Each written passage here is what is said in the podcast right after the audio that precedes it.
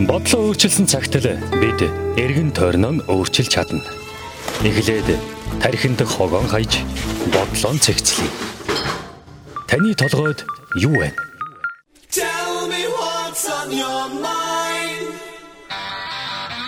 Энхма тантай хамт гэр бүлийн радио 104.5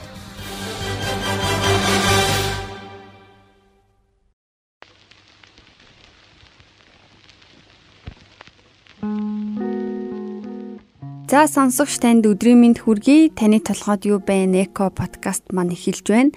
Тэгээд өнөөдрийн дугаарт ээлтэй үйлдэл төрийн бус байгууллагын удирдах зөвлөлийн гишүүн мандах маань оролцохоор хүрэлцэн ирсэн байна. Тэгээд ирсэнд баярлаа. Баярлалаа. Ирсэн ч гэсэн баярлалаа. За мандах маань яг юу хийдэг вэ? Өөрийгөө бас манаа сонсогчид танилцуулаач. Аа. Аа миний хувьд аа бүтэн цагийн ажил маань технологийн стартапад хамтын ажиллагааны мэрэгжилтэй гэж байгаа. Тэгээ бусдаар нөбийн залуучдын зөвлөх хорооны гишүүн, ээлдээ үйлдэл төрөөс байгууллагын гишүүн гэж явж байгаа. Аа. За үндсэн ажлынхаа хажуугаар сайн дурын нийгэм рүү чиглэсэн бас ажлууд хийдэм байх гэж харж ин тэгэхээр ер нь ямар ямар одоо төслүүд дээр ажиллаж байгаа вэ? Нөбийн залуучдын зөвлөх хороонд болохоор гишүүнчлэл нь 2 жилийн хугацаатай байдаг тухайн 2 жилдээ байж болох бүхэл ажлын хэсэг төслүүдэд оролцдог. Аа тэр талаас болохоор яг одоогийн хувьд 3-аас 4 төсөл тийм үү явж байгаа. Гишүүнээр эсвэл ахлагчаар эсвэл ментороор гэдэг ч юм уу янз бүрийн хамгийн хүмүүсийн мэдэж болох гэх юм бол сүүлийн үед зүрхэл төсөл маань нэлээд явж байгаа. Зүрхэл гэж сонсголын бэрхшээлтэй иргэдийн соёлыг түгэх. Сонсголын бэрхшээлтэй тохионы хэлний үсэг заах тийм social campaign явж байгаа. Тэр төсөл маань нэлээд амжилттай явж байгаа. Гэхдээ одоогоор эхний фейзэнд дуусгаж байгаа тийм төсөл байгаа. Тэгээд шинжлэх ухааныг 6-аас 7 дугаар ангийн хүүхдүүдэд таниулах, шинжлэх ухааныг сонирхоё гэсэн тэр сэдлийн төрүүлэх гих мэт тийм олон төслүүд аа. Байгаль орчинтой холбоотой яг ямар төсөл дээр голчлон ажиллаж байна?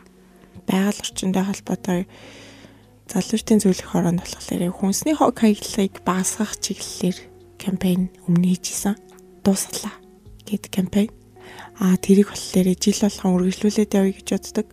Аа мөн биднээс гардаг санаа нь болохоор яг анхандаа хүнсний хог хаягдлаар чиглэлээр ингээд нэг санаа гаргаад хийгээд тушаад үтцсэн болохоор тэрийг өөрсдөө ингээд мэдээллүүдэн ч гэсэн мэдж байгаа. Тэг ямар асуудал байдгийг мэдж байгаа Тэр асуудал дээрээ зөрүүлээд манай нөбийн агентлаг байдаг хүнсүд аж ахуйн байгууллага FAO гэдэг. Тэр байгууллагатай хамтраад дэлхийн хүнсний өдрөөр жил болгон ямар нэгэн зүйл хэрэгжүүлж яа гэж ярьж байгаа. Дуусгалаа хоёр ч юм уу нэг тийм байлаа дуусгалаа гурав ч юм уу тэгээд явъя гэж бодож байгаа. Тавгаа жижигсгий ч юм уу. Тиймэрхүү санаанууд гарч байгаа. Яг одоогоор хэрэгжүүлсэн юм бол алга. Гэхдээ тавгаа жижигсэх нь бол хамгийн бэс арга юм байна гэж миний хувьдаа бол бодоод нөгөө тэгээ ингээд урайлаад явж байгаа. За тавга жижигсэгнэ гэдэг нь юу гэсэн үг юм бэ те магадгүй зарим хүн сонсоод яг ойлгохгүй байж болохын тэгэхээр энийг бас та тайлбарлаж өгөөч. Тавга жижигсэг нь болохоор янз бүрийн давуу талтай юм байлээ. Хүмүүс болохоор энэ бас нөгөө нэг хоолны порцтой холбоотой. Гадуур гарахаар нэг цөв авъя гэх юм бол яг нь л ирдэг. Тэр нь яг порц нь их дунд баг гэж байхгүй. Тийм болохоор хүн өөрийнхөө идэх хэмжээг мэдгүйгээр зүгээр л тэрийг ингээд идэнэ гэсэн үг. Тэгэнгүүтээ аа би болчлоо гингүүтээ хайчдаг штэ тий. Тийм байдлаар хэрвээ порц байх байх юм бол би за жоохон баг юм идэх юм байна гингүүтээ баг порцтойг сонгоод ч юм уу тэгээд жижиг тавган дээр идэж болоод тэгээд тавгаа цэвэрхэн болгоод цаашаа өг. Нэг тийм хүнсний хог хаягдл ерөөсө гарахгүй байх тийм боломж байгаа. Тэгээ гэртээ ч гэсэн тавг нь ер нь л жижиг юм ахмал нэг талд хүнсний хог хаягдл баг гарна. Тэгээд дээрээс нь болохоор хүмүүс чинь нөгөө нэг хүсээгүй гэдгийг мэдгүйгээр их юм мэддэг. Тэгээ бас нөгөө тархалт гэх юм уу босод нөгөө эрүүл мэндийн асуудлууд гарч ирдэг.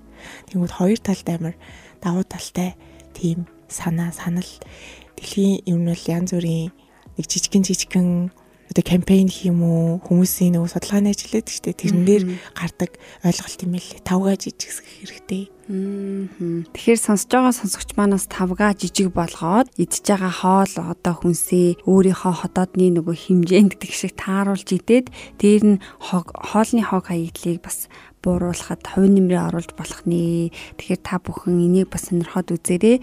Хоолоо дуусгадаг байгаараа гэж хэлмээр байна. Нэрэл бид нар чинь барахгүй бийжээж нөгөө сэтгэлэн цатахгүй гээд бүр айгүй хоол овоолол авдаг. Ялангуяа гадуур хоололж байгаад тий. Тэгэл орхиол хаяал явдаг ийм жишээ харагддаг.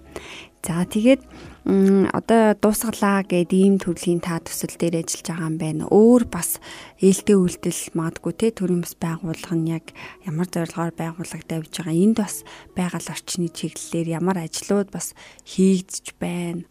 Манай төрийн бас байгууллага болохоор байгууллагад удаагүй байгаа.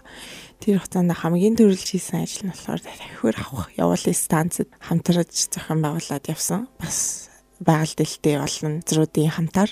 Тийм яг тэрэндээ адилханаар бид нар хогны менежментийн тал дээр сургалт орох хүмүүст яг ингээд энэ юу байдгийг гэдгийг таниулах тийм байдлаар жижигч байсан, тийм томч байсан тий. 3 өнгийн хогийн савл яваад идгийн. Ааха. Тэгснэ яг юу яг юу хийхээ мэдгүй.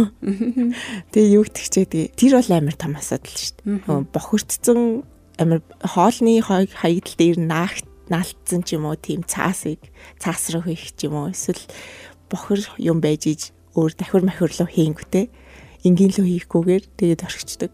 Их тийм одоо давхираа ангилж мэдээд байгаа. Тэгсэн мөрчлөөсөө давхираа одоо яаж дотор нь хийх хэвээр ямар байх хэвээр мэдгүй. Их тийм жижигэн жижиг юмуудыг мэдгүй. Тийм болохснаас хойш ингээд сүүлд нь хэлэхээр хүмүүс гайхаж амж. Ингээд хүү ээ энийг чинь цэвэрлэж хийдэг байсан юм уу? Ажил ажил дээр ингээд хүү манай ажил ингээд удахгүй давхирын тийм хогийн сотолгож байгаа хгүй ангилдаг. Тэнгүүтээ ингээд жоохон ингээд юм ярьж өгөхөр хүүе цэвэрлдэг хий цэвэрлэж хийдэг гэж өстой мэдээг юм шүү дээ. Нэрээ дотор нь бохор хахаар яа гэм болоо гэж хальт бодчихсон ингээл. Тиймэрхүү байдлаар жижигхэн зүйлийг мэдгүй.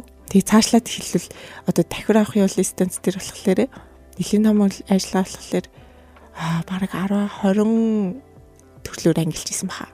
Тим олон ангилж болж байгаа ч тийм олон ангилвал биднэрт л ер нь л хэрэгтэй. Тийм бол дахир маань баялаг болно. А бидний хувьд болохоор 3 ангилж байгаа маань бас дутууд илмэг. Тийм бахад за эхлээд 3 ангилаас авчи гэсэн байдлаар явж байгаа болохоор бид нар эхний ээлжинд тэгж одоо сургалаа тэгж чиглүүлээд энгийн энгийн мэдээллүүдийг олох байдлаар тэгээд цаашлаад maybe одоо гүнзгий мэдээллүүдийг оруулаад 20 яаж ангилах вэ гэдэг талаар ч юм уу тийм сургалтууд ороод явах бах гэж бодож байгаа. Тэгээл social media campaign campaign тийм байдлаар төрөмс байгууллага үйл ажиллагааг явуулах бодолтой байгаа. Та сая ингээд 3 ангилах тал дээр ихний ээлжинд бид нэр хийж гинэ гэд ярьж штэ. Энийгээ бас дэлгэрэнгүй тайлбарлавал яг ямар гурван төрлөөр бид нэр хамгийн ихэнд хогоо ангилж болох юм. Зарим нь энгийн хаягдал, цаас, давхир гэд хогийн савныхан дээр нь цаас гэдэг дээр нэг урт нөхтэй давхир гэдэг дээр нь бөөрийнхий нөхдөж мөн их тийм байдаг штеп. Зарим нь болохоор бас арай өөрөөр давхир энгийн аюултай л нэг тийм байдлаар. Одоо нөгөө имлэгээр явж байхад бас байдаг тий янз бүрийн нэг удаагийн маск янз бүрийн юм ингээд аюултаар нь хийгээд энгийнт нь одоо таны хэлдэг шиг давхир гэдэгт нь л ундааны сам ав хийж ч юм уу? Энгийнт нь одоо чихрийн цас хийдэг ч юм уу? Ингээд ангилагдаж нэрээ болдсон биш үү? Уул нь бол тий давхир гэхийн оронд олон яг байгууллагынхаа онцгоос онцлогоос шалтгааллах юм шиг байгаа маа. Амар их ундаатай ойрхон ажилдаг ч юм уу нэг тиймэрхүү уух юм уух юмныг компани юм уу нэг тийм газар ах юм бол тухайн байгууллага хуванцар тэнгуүтэй лааз шил гэдэг юм уу тийм байдлаар ангилал зүгээр аахгүй шил тэгснэ хажууд нь энгийн гэдэг томоогоосаа байдаг ч юм уу. Тийм байна. Одоо жишээлбэл өөрийнхөө байгууллага дээр бодонгууд цаасны хог хаягдлыг гардаг юм шиг байна. За тэгээд нөгөө манайх чин дотроо кофе мофиго чанжуудаг болохоор яг нөгөө байнга тэгж дэлгүүрээс ингээл хүмүүс нь кофе аваад чихэр чимээс авчирч идээд байдгөө дотроо галтгоотой болохоор тэгээ эндээ хоолоо идчихдэг. Тэгэхээр хоолны хог хаягдал гарч байна. Аа тэгээ мэдээж нөгөө эндээ хоолоо хийж байгаа болохоор нөгөө хүнсний одоо янз бүрийн нөгөө савлгаа биш тэ өндөгний сэтгээс эхлээл одоо сүү тарагны сая юу ч үдий тийм хоол хүнсний савлгааны хог хаягдал цаасны хог хаягдал илүү гарт юм байна. Тийм л юм байна. Жишээлбэл одоо танаа хувьд байгууллага дээр ийм хогны савуудтай болё хогоо дахиад ангилъя гэдгийг жишээлбэл хин санаачилсан бэ? Ажлынхнаас яаж хүлээж авч байна?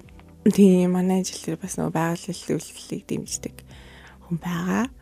Тухайн өмнө санаачлаад хүлээж авах болохоор мэдээж залуучуудаар дүүрэн байгууллага манай дундаж нас 27.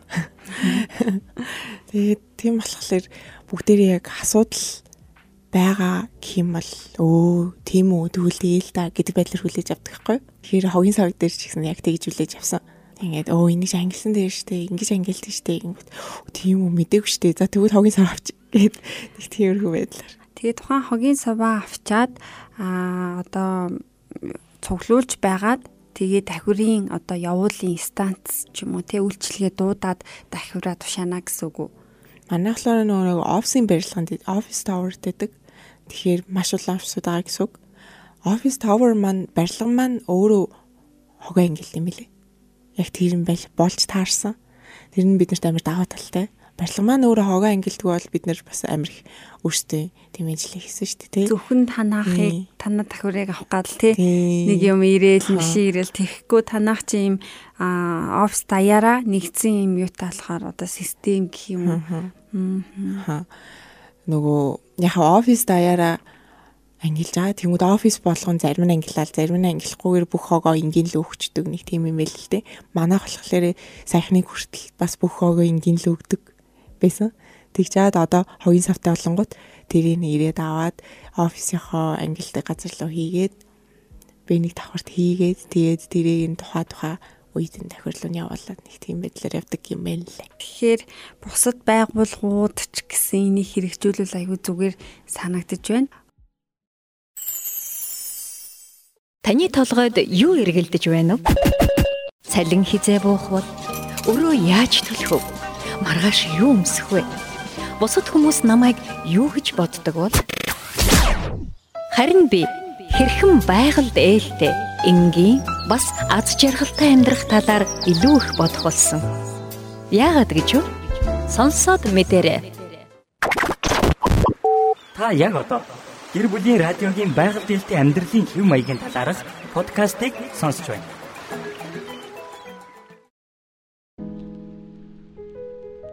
Хог гарахгүй хүн гэж бол угаасаа байхгүй шүү дээ.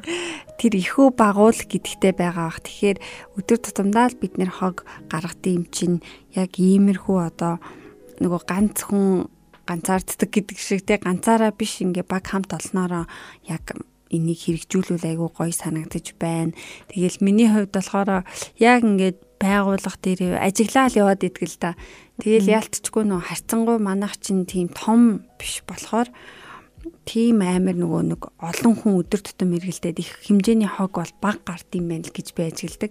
Гэхдээ яалтчгүй нөгөө ажил мэрэгжлийн онцлогоос шалтгаалаад тийм юм байнга одоо хөвлөх, байнга цаас одоо тийм зүйлтэй айгүй харцтай юм байна. Тэгэхээр одоо цаасны хог хаядлын тухайд чамаас асуухад туршлага юу байна те бид нэр энэ их цаасаа жишээлбэл яаж ангилах юм энэ нь ангилагдаад яг юу болох боломжтой гэдэг юм бол энэ дээр судалсан юм байгаа юу Мм цаасны тал дээр бол хэд хэдэн зүгээр юу харчихсан юм. Мэдээллүүд харж исэн юм байна. Ойрын жишээ гэвэл хүмүүс өөрсдөө гэртээ цаасаа дахин боловсруулад янз бүрийн хөрхөн юм хийдэг. Нөгөө эко дэлгүүрүүд дээр орохоор ч гэсэн дахин боловсруулсан цаас зардаг. Тийм цаасыг бол тэгж аа гэртээч гарааргаарч эсвэл өөр газарч гэсэн дахин боловсруулж болох юм шиг гэсэн дахин боловсруулсан цаасаар хийсэн тийм загтлын цаас би бас нөгөө нэг гэр органик дэлгүүрээс бас харж ил байсан юм байна. Тэгээд очоод ингээ авсан чинь айгүй гоё үнэртэй зөөлөн тэгээд үнэхээр тансаг байсан. Ингээ них гоё ингээд мод тэгснээ бараг үртсэн ингээ цаасан дотор нь яваад байгаа. Аюу гой зөөлөн тийм юм байсан. Тэгээд яг гой захаа бичих ч юм уу одоо бичиг цаас сонирхдаг ингээ хүмүүс ч юм. Яг гой зөөлөн ингээд нэг гой юм цааснууд эдэг та тийм цаас юу н олддоггүй штэ бичиг хэргийн дэлгүүрт. Тэгээ эко дэлгүүрүүдээр болохоор нэрээ тийм гоё юм байд юм бэлээ. Тэгээд би бас фэйсбүүкээр харж исэн чинь нөгөө и баримтын цаасыг дахин боловсруулад тэрүүгээр юм хөөрхөн одоо тавг мавг хийцэн тий цаасан Тэгснээ сэтгүүлийн цаасыг ашиглангуудаа шууд зүүлт мүлт нөгөө нэг бугуурч мугуурч аксессуарс хийчихдээ билээ. Нөгөө нэг сэтгүүлийн цаас айгу хатуу штэ тий. Тэгээ айгу гоё зурагта. Тэгээд ингээд э, тантай ярилцаад би бас гоё урам авлаа. Тэгээд өөрсдийн байгууллага дээр ажиглаад ямар онцлогтой ямар хог хаягдл гартын гэдгийг бас анзаараад хоорондоо ярилцаад хилэлцээд энийг ингээд дахин боловсруулж болох юм байна. Магадгүй заавал хогийн сав авч тавихгүй ч гэсэн цаас их гардаг байгууллага байлаа гэхэд зүгээр нэг цаасан харьцагт чамаагүй тэр хаягдл цаасаа цуглуулж агаад хэдэн сарын дараа ямар нэгэн бүтээлч ажил хийвэл гоё юм байна. Тэгээд ийм гоё бас урмыг авлаа. За тэгээд хоёлаа бас яг ярьсан одоо дэлхийн хүн байх талаар ер нь ярья гэд. Тэгэхээр дэлхийн хүн гэж яг хинбэ? Энэ бол бас айгүй түгээмэл асуулт штэ. Одоо юу гэдэг чинь чи яагаад өөрийгөө дэлхийн хүн байх ёстой гэж бодож байгаа гэдэг ч юм нэг юм асуултууд байдаг. Тэгэхээр би бас танаас асуумаар энэ те таны хувьд яг энэ нь яг ямар ойлголтын ямар хүнийг дэлхийн хүн гэх юм одоо амир англи хэлтэй эсвэл одоо гадаад дотоод төгссөн болохоор дэлхийн хүн болчих юм уу гэх мэт. Аа бид нар яг ээлтөвлөл хөрмөс байгуулахын дэлхийн хүмүүс гэж явдаг. Дэлхийн хүмүүс. Харин нөгөө талд дэлхийн хүмүүс гэдэг ойлголт нь болохоор дэлхийн одоо иргэн гэх юм уу? Тийм штэ. Тийм дэлхийн иргэн гэж явдаг. Global citizenship гэд тустай ойлголт байдаг. Тэр нь бол одоо дэлхийн асуудалд өөрөө өөрийгөө нэг үндэстэн ингээ хязгаарлахгүйгээр дэлхийд даяар яг дэлхийн иргэн гэж одоо Монгол улсын иргэн биш цаашаа даваад дэлхийн иргэн гэдгийг ойлгох. Нэг тийм ойлголт байгаа байхгүй юу? Тэгэхээр одоо дэлхийд даяар болж байгаа асуудлууд байгаа шүү дээ. Хамгийн наацхан шин асуулт асуудлуудыг ингээд тэр нь санаа зовж идэг, ямар нэгэн байдлаар хувь нэмрээ оруулж идэг. Одоо зарим хүмүүс тэгдэд шүү дээ. Аа Монголд чинь ийм хүмүүс олон байна. Тэр асуудлыг шийдэг байж гадагшаа гарах гэж гэлтэгдэг. Тэнгүүд яг үнэндээ дэлхийн бид нар ингээд нэг л дэлхий дээр амьдарч байгаа. Дэлхийн иргэн учраас бусад асуудлууд чинь мэдсэх хэвээр хувь нэмрээ оруулж чадчихвэл оруулж явах хэвээр. Тэнгүүт яг дотроо нэг тийм байгаад байдаг. Тэр бас ямар үзэл хинтээ үнсэрхэг үзэл гэх юм уу? Тийм байдалд айцгаарлагддаг хүмүүс олон байдаг болохоор Монголд ер нь дэлхийн иргэн гэдэг ойлголт нэг их түгээгдэг байгаа байх. Нөгөө талаар амар буруугаар түгээгдээд байгаа. Ян зүрийн нөгөө нэг тэтгэлэгт бэлтгэж юм тийм сургалтууд шүү дээ. Илтгэл мэлтгэл лекц мэгц. Тэд нар болохоор дэлхийн иргэн ч юм уу нэг тиймэрхүү байдлаар уурайс юулаа зун тэгээд нэр мэрээ өгөөд тэнгуүтээ та ингээ англи хэл сураад дэлхийн иргэн болмоор байна уу ч юм уу нэг тийм байдлаар. Тэгээд янз бүрийн олон орнд сурсан эсвэл олон оронд ингээд аялсан тийм туршлагатай хүмүүсийн лекц гэсний дэлхийн иргэн гэдэг ч юм уу. Тийм байдлаар аа айгу буруу байдлаар төгөөдөг даа юм шиг. Би тиймэрхүү юм харах юм бол яг ингэж репортлжсэн шүү дээ. Ааха. Ерөөсөө амар буруу тэр нь. Дэлхийн иргэн гээд тэгдэг нь зүгээр л яг иргэн шил иргэн дэлхийн иргэн шилтэй байна. Аа нэг дэлхийг Монголын иргэн шиллээс хязгаарлагдахгүйгээр дэлхийн иргэн шилтэй байна гэдгийг ойлгох тийм асуудал байна тийм бай шүү. Нэрэл одоо заавал юу гэдгийг гадаадд сурах ч юм уу тэг эсвэл айгуул өндөр хэлний мэдлэгтэй байснараа дэлхийн иргэн болох ч байгаа юм шиг. Тэгэнгүүт энэ дэлхийн иргэн гэдэг гой нэрийг бас ашиглаад зарим нэг те сургалтын ч юм уу бизнесийн байгууллагууд ашиглаж те залуучуудыг ингээд даган дуу дуурайлгаад дуудаад байгаа юм байна. Би бас яг санал нэг байна. А миний бодлоор одоо сонсож байгаа сонсогч маань өөрөө уг нь бол бас дэлхийн иргэн мөн те. А гол нь тэрийг мэдгүй ч юм уу эсвэл дэлхийн иргэн байхад одоо а нэг одоо тийм хотын хүн байх, хотын соёл гэрдэг шиг дэлхийн иргэн байх гэдэг бас нэг юм тодорхой нэг соёлыг өөртөө бий болгох хэрэгтэй байх те одоо жишээлбэл юу гэдэг та бас сая хэлж штэ Монгол Монголгийн үнцэрхэг байгаад идэг гэд. Тэгэнгүүт чинь дэлхийн иргэн гэж яг хэний хэлээд байгаа гингүүд миний та бодлоор бас альва улс орны соёлыг хүнддэгдэг бас хүний хэлээд байгаа юм болов те. Оо манай Монгол ийм онцлогтой гэхдээ одоо Япон ийм одоо улс те тэрийг би хүндэлдэг гэх. Тэгээ тэр орны соёлоос суралцдаг тэр орны орны соёлыг хүндэлдэг бас тийм байх хэрэгтэй болов гэж бодож байна. Тэгээд ялцчгүй байгаль орчны одоо энэ асуудал ч өөрөө нөгөө хоёлаасаа ярьсан глобал гэд угаасаа л олон улсын дэлхийн нийтийг хамарсан юм асуудал бид нар угаасаа нөгөө нэг дэлхийтэй гэж явдаг штэ. Тийм байх шиг байна гэж би бодож байна. Сайн дурын ажил хийгээд ингээ явж хахад таны амьдралд ямар одоо сайн нөлөө гарч байна. Зарим хүмүүс бол зүгээр ажилдаа яваад гэртээ хараад байж идэг. Тэ? Ер нь бол ихэнх хүн бол нэг тийм нэгэн хэвэн амьдралтай байдаг. А тэр дундуур бас гэртээ харих тэр замаасаа хазаагаад те ингээд өөр зүйлийг хийж үзээд өөрийгөө хөгжүүлээд бас явд юм байна. Энэ нь бас таны амьдралын хэм маяг сонсё.